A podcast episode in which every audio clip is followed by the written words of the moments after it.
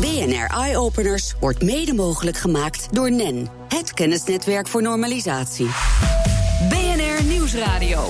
BNR Eye Openers. Meindert Schut. Is there life on Mars?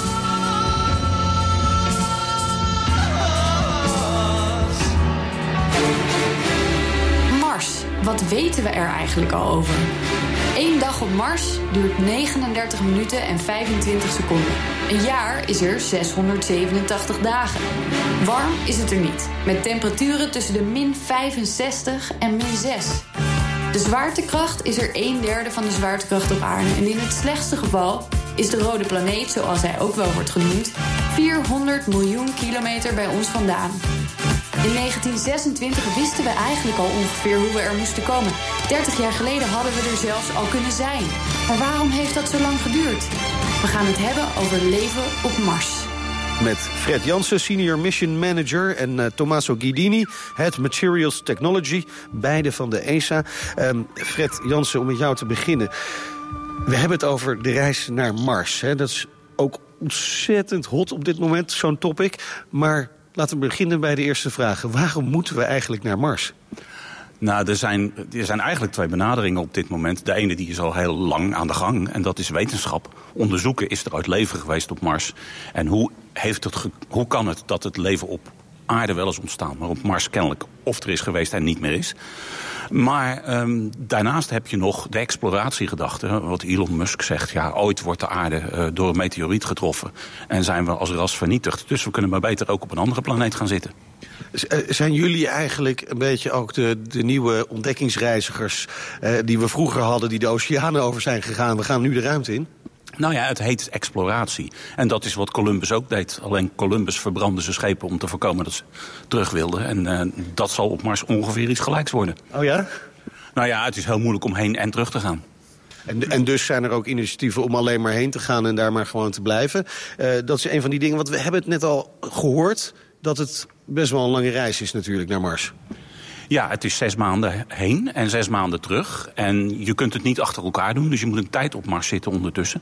Want zo draai je die hemellichamen nou helemaal, dat gaat niet. Dus het is heel moeilijk, maar NASA en ESA werken allebei wel aan het scenario's... dat je heen en terug gaat. Nou is er wel een situatie, want die planeten staan niet altijd even dicht bij elkaar. Hè? Er zijn momenten dat het beter is om naar Mars te reizen dan andere momenten. Ja, je kunt elke 23 maanden ruwweg kun je naar Mars toe. En uh, daartussen, daartussen is het gewoon niet mogelijk. Want dan staan aarde en Mars aan de andere kant van de zon. Dus moet je om de zon heen vliegen. Ja, dat is een beetje lastig. Nou was er al in uh, 1926 iemand uh, die had bedacht... dat we misschien wel naar Mars zouden moeten gaan. In ieder geval hoe we er zouden moeten komen. 30 jaar geleden hadden we eigenlijk misschien al de techniek in huis om er te komen. Waarom heeft het allemaal zo lang geduurd... voordat we nu echt serieus nadenken over deze optie? Nou, het hebben van de techniek en het omhoog kunnen brengen van de hoeveelheid materiaal die je echt nodig hebt, is een heel verschil. Je praat hier over duizenden, zo niet tienduizenden kilo's aan materiaal die de ruimte in moeten. En dan ook nog naar Mars toe. En daar heb je gewoon lang tijd voor nodig. En daarnaast zijn er een aantal echte grote struikelblokken, zoals de straling in de ruimte. Nee, want straling hier op aarde, dat weten we, dan worden we beschermd hè, tegen die straling. Tot op zekere hoogte in ieder geval. Uh, door ozon onder andere. Dat is op Mars anders. Ja, het is, op aarde is het met name onze atmosfeer en het magneetveld uh, die de straling weghouden. En uh, Mars heeft geen, uh, bijna geen atmosfeer en al helemaal geen magneetveld. Maar erger is nog, onderweg naar Mars zit je helemaal in de interplanetaire ruimte. En daar ben je volledig vatbaar voor zonnevlammen en alles van de zon. Dus je zult zware bescherming moeten hebben, anders ben je na zes maanden dood van straling. Ja, dat willen we natuurlijk helemaal niet. Uh, we gaan het hebben over die technologische innovaties... die we nog nodig hebben om daadwerkelijk naar Mars te gaan... en daar misschien ook wel ieder geval een tijdje te kunnen gaan wo wonen. We'll switch to English, uh, because Tommaso Guidini from the ESA... well, you don't speak Dutch, obviously, but Italian, but also English, of course. What technical innovations do we need for our trip to Mars? First of all, I think we need to think about how to live on Mars. And so we have now the, a planet that is closer with respect to Mars, that is the moon. So currently we are developing a moon-based, let's say, approach. That is, imagine you want to build the moon base, so a house in the moon. Instead of sending all the materials, all the tools, all the personnel to the moon, that would be e- extremely expensive, technically difficult, and logistically difficult, you could do something completely different. That is, you send a 3D printer to the moon, and the 3D printer, using the moon dust that is already on the moon, so the moon regolith, would build automatically the moon base around itself. Now, this sounds like a science fiction movie. Well, we did it already. We Really? have- we have already 3D printed a 1.5 ton moon base demonstrator on Earth. Oh, it's on Earth. It's not on the moon yet. Not yet, not yet. But but this is to show that that's a game-changing technology that will enable a trip like this. Now, the moon is close, if you want, compared to Mars. So. To, to build a Mars base, we could use exactly the same approach, meaning instead of sending all the materials, all the tools, all the personnel that would be, in my opinion, technically extremely difficult, if not impossible, we need to use the resources that we have on Mars. Now, let me explain a little bit further this concept. The, the moon base will not be sufficient on Mars or on the moon. We would need not just the moon base, but we would need also equipment, tools for the astronauts once they are operating on Mars or on the moon. Therefore, we will need to print and to manufacture things of polymers made or metallic made. Now, some we will ship them, but some we need to manufacture them on Mars or on the moon. Now, what is the obvious source of metals and polymers on Mars or on the moon? Is the one that we brought ourselves, like, for example, the lander. Once the lander has landed, it's not used anymore for anything. It's just a piece of junk on the planet. So we are now having um, activities looking into cannibalizing materials out of the lander not used anymore and reprint them into tools, equipment that are now useful for the mission. Okay, you just melt it down and reproduce Exactly. uh, the materials you need. Exactly. In a complete sustainable loop. By the way, the moon base concept is very interesting in my opinion because it's, it's manufactured using the sun power, just using a lens, uh, a like a, a sun oven. You focalize the sun light and you bake layer by layer the material into the shape you want. So completely sustainable. You don't need to bring any power. You just have it from the sun. So, so these are innovations uh, we are working on on Earth. ESA is working on these uh, things. Uh, I'll turn to Fred now for a moment again. Uh, Fred, je had het al over de problemen die we onderweg tegenkomen. Straling, eh, echt een groot probleem. Dat zijn dus ook zaken waar de ESA op dit moment wel mee bezig is? Ja, er zijn allerlei ideeën over. Eh, het is in principe ehm, is, het, is het simpel, namelijk gewoon massa-afscherming. En eh, dus als er een zonnevlam aankomt, dat de astronauten in een soort cabine gaan liggen waar ze beschermd zijn. Maar dat is weer zwaar materiaal, kan ik me voorstellen. Moet je allemaal weer omhoog eh, sturen met een zware raket. Ja, dan, dan heb je zwaar materiaal nodig. Er zijn ook wel alternatieven. Een van de alternatieven was bijvoorbeeld een zwak magneetveld... wat een heel eind voor de astronauten uitvliegt... en dan genoeg de straling afbuigt, zodat je minder krijgt. Maar de oplossing is op dit moment nog niet echt in zicht. We gaan ervan uit dat we die oplossingen allemaal wel gaan vinden. eh, en dat we dus inderdaad naar Mars gaan. En straks gaan we verder praten over wat die eerste mensen die op Mars aankomen... nou precies moeten gaan doen. BNR Nieuwsradio. BNR Eye-Openers. Maar eerst gaan we even naar een eh, voorbeeld van een technische innovatie... die nodig is om meer te weten te komen over Mars. De spectrometer van het Nederlandse bedrijf Spectral Industries. Marijn Sandke, eh, jij bent daarvan. Eh, jij kunt daar dus ook alles over vertellen. Wat maakt jullie techniek precies mogelijk? Nou, zoals net al aangegeven, ehm, als je eenmaal op Mars bent, heb je materialen nodig. Grondstoffen, mineralen. En die zul je voor een groot deel daar ook moeten vinden. Nou, bij Spectral Industries ontwikkelen wij een techniek waarmee we met behulp van een laser kunnen bepalen waar een stof of een steen van gemaakt is. Dus wij schieten met onze laser op een steen. En dan maken we het heel warm mee, heel lokaal. En we kijken naar de kleuren die terugkomen. Onze spectrometer waaiert dat dan als een soort van regenboog uit. En aan de hand van de kleuren die wij dan terugkrijgen van die steen... kunnen wij precies vertellen welke mineralen en stoffen in die steen gezeten hebben. En dan zou je misschien ook die materialen, die, die stoffen kunnen gebruiken... om dingen te bouwen daar bijvoorbeeld. Ja, inderdaad. Als je aluminium, titanium, ijzer, als je dat nodig hebt om je, je basis daar te bouwen, dan zul je ook moeten weten waar je die stoffen kan vinden. Ja, zodra je dus die lander hebt afgebroken en helemaal gebruikt, dan zul je naar dat soort dingen moeten gaan. Die spectrometer, wordt die nu al gebruikt bijvoorbeeld? Ja, wij passen hem nu al toe op aarde. Voor uh, toepassing bijvoorbeeld in de mijnbouw, waar je ook wil weten welke stoffen waar zitten. Uh, maar er rijdt sinds 2012 rijdt er een uh, rover van de NASA rond op Mars, waar deze techniek ook aan boord zit.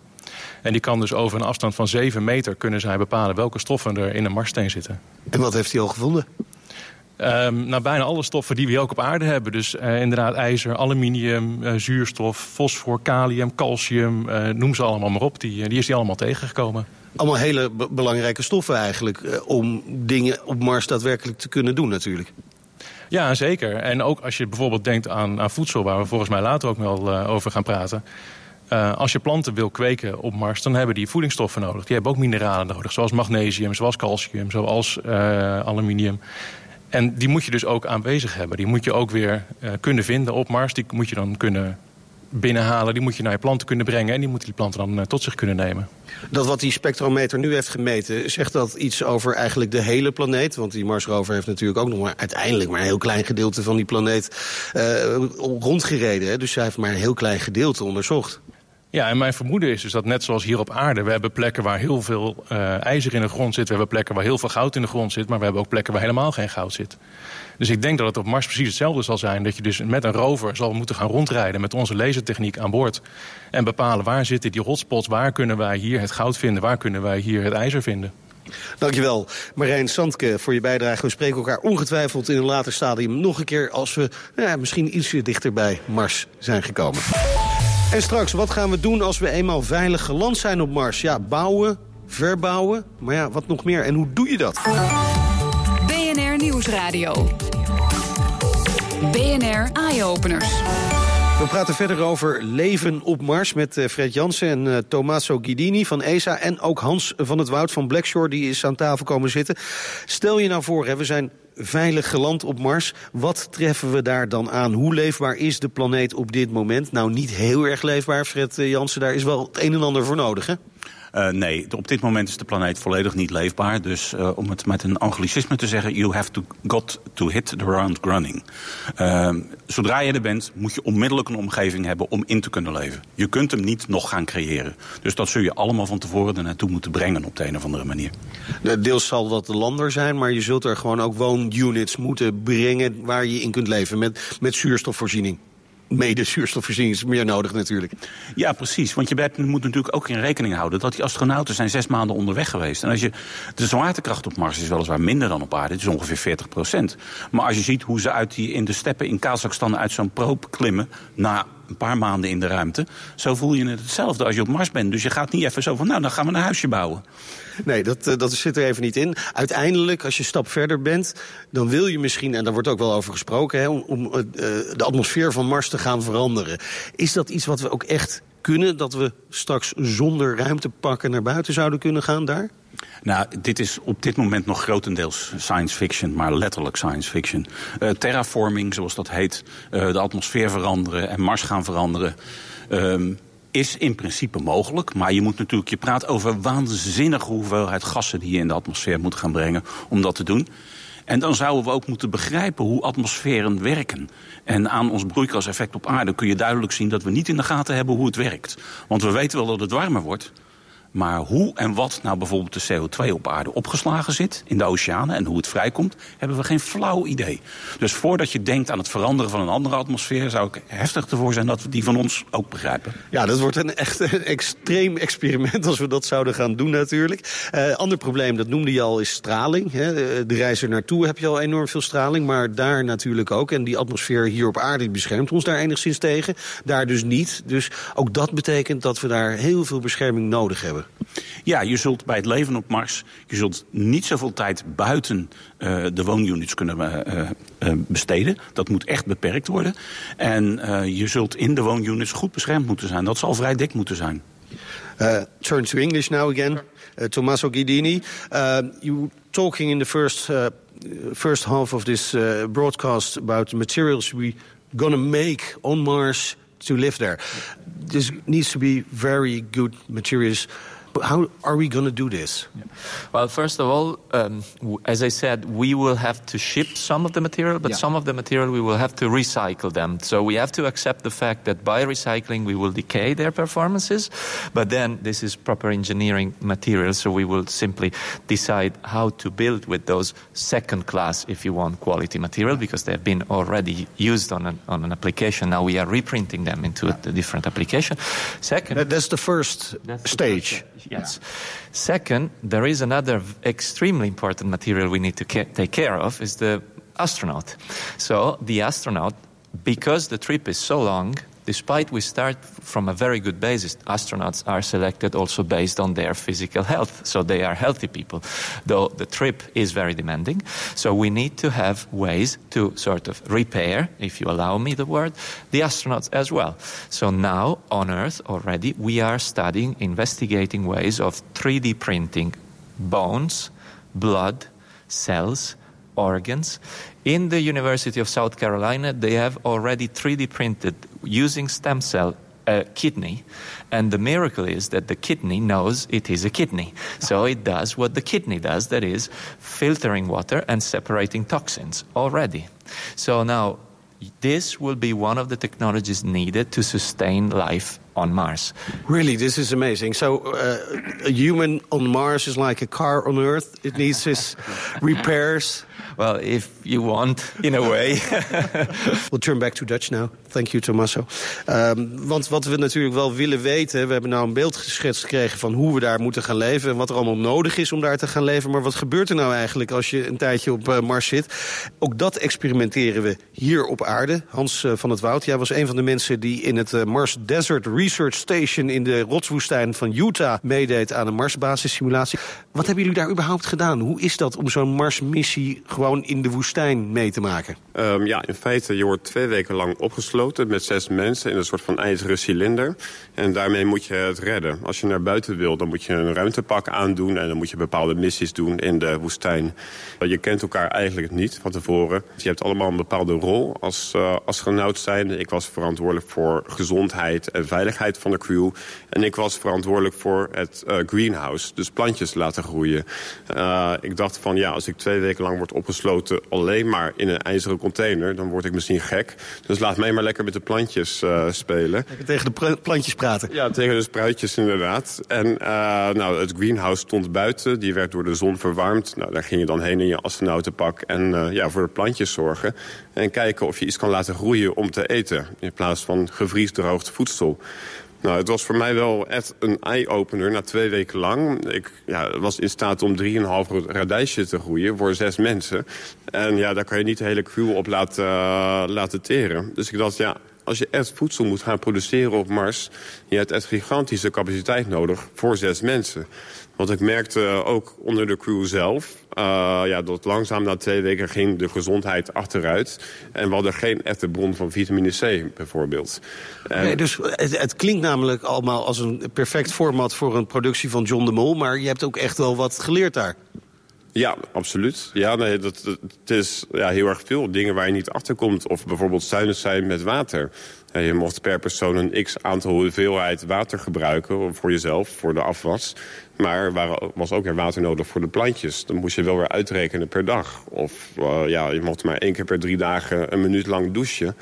Daar werd je wel gewoon heel efficiënt van. En ook weer ja, thuis in Nederland, en ik ging afwassen. Nou, ik was wel nog steeds heel efficiënt in mijn watergebruik. ja, nog steeds? Dat leer je wel. Nee, nu, nu helaas niet meer. Je bent nog steeds met het project uh, betrokken? Deels wel. Uh, mijn missie was vooral... Ik werk zelf met satellietbeelden. En ik maak landkaarten aan de hand van satellietfoto's. En uh, we hebben satellieten die maken foto's van het oppervlak van Mars en van de aarde. En het was eigenlijk onze missie om Mars met de aarde te vergelijken. Want als wij satellietfoto's hebben van Mars... en we maken vergelijkbare foto's van de aarde... dan leren wij over Mars. Want het is makkelijker te kijken om de aarde te onderzoeken. En dan weten we hoe een bepaalde rivierstructuur is ontstaan. Dus uh, dat was voor ons onderzoek. En ons onderzoek bestond ook uit uh, ja, foto's gemaakt door de NASA-rover. De Curiosity rover. Die maakt foto's van bepaalde steenconstructies. En wij moesten deze constructies weer in de woestijn opzoeken. Foto's maken en onderzoeken hoe is het ontstaan. Hoe is die rivierbedding ontstaan die we ook kunnen zien op Mars. Of bepaalde ja, uh, afdrukken van klei bijvoorbeeld. En dit helpt enorm in onderzoek over Mars, ja, hoe de geschiedenis van Mars eruit ziet. En de aarde helpt ons hierbij. En dat is ook het hele mooie. We zien gewoon hoe sterk de aarde op Mars lijkt. De reis naar Mars, het klinkt nog als science fiction... maar je hoort het hier al aan tafel. Iedereen is er eigenlijk al heel erg druk mee bezig. En er gebeurt al ontzettend veel. Dank jullie wel. Senior Mission, Manager Fred Jansen en Head Materials Technology... Tommaso Guidini van de ESA en Hans van het Woud van Blackshore. BNR Nieuwsradio. Meindert Schut. We hadden het net al even over dat uh, eerste gedeelte van zo'n missie naar Mars. Wat er allemaal moet gebeuren om Mars leefbaar te maken. Nou speelt voedsel daar natuurlijk een uh, belangrijke rol in. Lex de Boer van uh, Groen Agro Control. Jullie zitten in Nederland, maar hebben eyes in the sky, zouden we maar kunnen zeggen. Die, veel verder kijken. Waar houden jullie je nou precies mee bezig? Wij houden ons bezig met de uitvoering van kwaliteitsanalyses voor de land- en tuinbouw, evenals voedselveiligheid. En daarnaast uh, voeren wij projecten uit op het gebied van de land- en tuinbouw, biotechnologie en industrie. En nu even de relatie met de ruimte en dan Mars. Hoe ver zijn jullie daarmee bezig? Uh, wij hebben een aantal fundamentele problemen die je zal tegenkomen bij telen van voedingsgewassen hebben wij geanalyseerd. En uh, daar hebben we al een aantal oplossingen voor bedacht. Een uh, hele grote uitdaging zal zijn om het dieet voor astronauten inderdaad voor 100% rond te krijgen. Want we hebben nu net al even genoemd. Vitamines kunnen een probleem zijn, maar dat is niet het enige. Je zult ook bepaalde essentiële aminozuren die nodig zijn voor de opbouw van je eiwitten. Uh, moeten hebben en een aantal essentiële vetzuren... die je toch allemaal in een goede, goede verhouding moet kunnen kweken. Ja, en uh, hoe zou uh, het dieet van een Marsbewoner eruit moeten gaan zien? ja, als je dat probeert te vertalen in een maaltijd zoals we die hier dagelijks nuttigen... zal ik niet verwachten dat er vlees aanwezig zal zijn. Bijvoorbeeld het produceren van vlees is een buitengewoon inefficiënt uh, proces. Dus we zullen min of meer allemaal vegetariër gaan worden. Ik denk dat Partij voor de Dieren helemaal voor dit plan is... maar het is natuurlijk gewoon uit nood ge geboren, deze gedachte. Ja, het is absoluut uit nood geboren. Je kunt toch het beste gewoon planten gebruiken. Uh, je moet daarbij denken dat je bijvoorbeeld uh, eiwitten moet gaan produceren... door middel van sojabonen of andere uh, uh, zaadbevattende gewassen. Uh, je hebt groenten nodig natuurlijk, maar je hebt ook een hele duidelijke zetmeelbron nodig. Zoals bijvoorbeeld aardappels, zoals in die film The Martian zo duidelijk was. Je ziet dat er nu heel veel experimenten gedaan worden met sla, radijsjes, worteltjes allemaal heel erg gezond allemaal. Maar wel meer dan 90 tot 95 procent water. Dus je zult toch echt een, een, een energierijke voedingsbron moeten hebben. Ja, en de aardappel die biedt dus die mogelijkheden. Uh, nou moet je het nog wel gaan telen daar natuurlijk. Hè, want je kunt wat meenemen, maar je moet het uiteindelijk gaan telen. We zeiden al, er zijn wat problemen. Zwaartekracht is een ding. Water, om maar eens even eentje te noemen. Uh, en zo zijn er wel meer zaken. Voedingsstoffen voor die planten. Hoe, hoe gaat zo'n teelsysteem op Mars eruit zien? Nou, zo'n tiltsysteem zal er waarschijnlijk niet eens zo ontzettend veel anders uitzien als hier. Want je hebt natuurlijk zwaartekracht en dat is heel fijn, want dan kun je water laten stromen. Dat heb je natuurlijk niet in een ruimteschip waar je te maken hebt met uh, gewichtloze condities. Uh, ja, nou, het is nu net ook al genoemd. Je hebt te maken met ontzettend veel straling. Dus om nou een kastje te bouwen en daar die plant in te kweken, dat gaat niet lukken. Wat je wel zou kunnen doen, is dat je daar een module neerzet... er een flinke partij grond overheen stort. Dat geeft natuurlijk ook al bescherming. Uh, zonnepanelen buiten ophangt en je planten gaat belichten in die module... die je daar onder de grond hebt zitten. Verder is mij ook opgevallen dat er nu al, uh, waaronder in Wageningen, allerlei experimenten lopen. Waarbij men gebruik maakt van marsgrond. Maar dat is helemaal niet nodig. Wij hebben inmiddels een teeltsysteem ontwikkeld waarbij geen substraat wordt gebruikt. Die wortels die hangen in groten. Een dun laagje film. Je hebt helemaal geen grond nodig met allerlei giftige componenten die erin kunnen zitten om te kunnen kweken. Dus dat probleem hebben wij ook opgelost. En daarnaast hebben wij. Uh, heb je drinkwater nodig. Uh, planten verdanken grote hoeveelheden drinkwater. Of grote hoeveelheden water. Wij hebben gekeken of je daar drinkwater uit uh, kan winnen. Wij hebben dat met een heel robuust, simpel systeem al gerealiseerd. En wij kunnen dus drinkwater maken uit water wat door planten verdampt wordt. Dank voor je bijdrage, Lex de Boer van Groen Agro Control.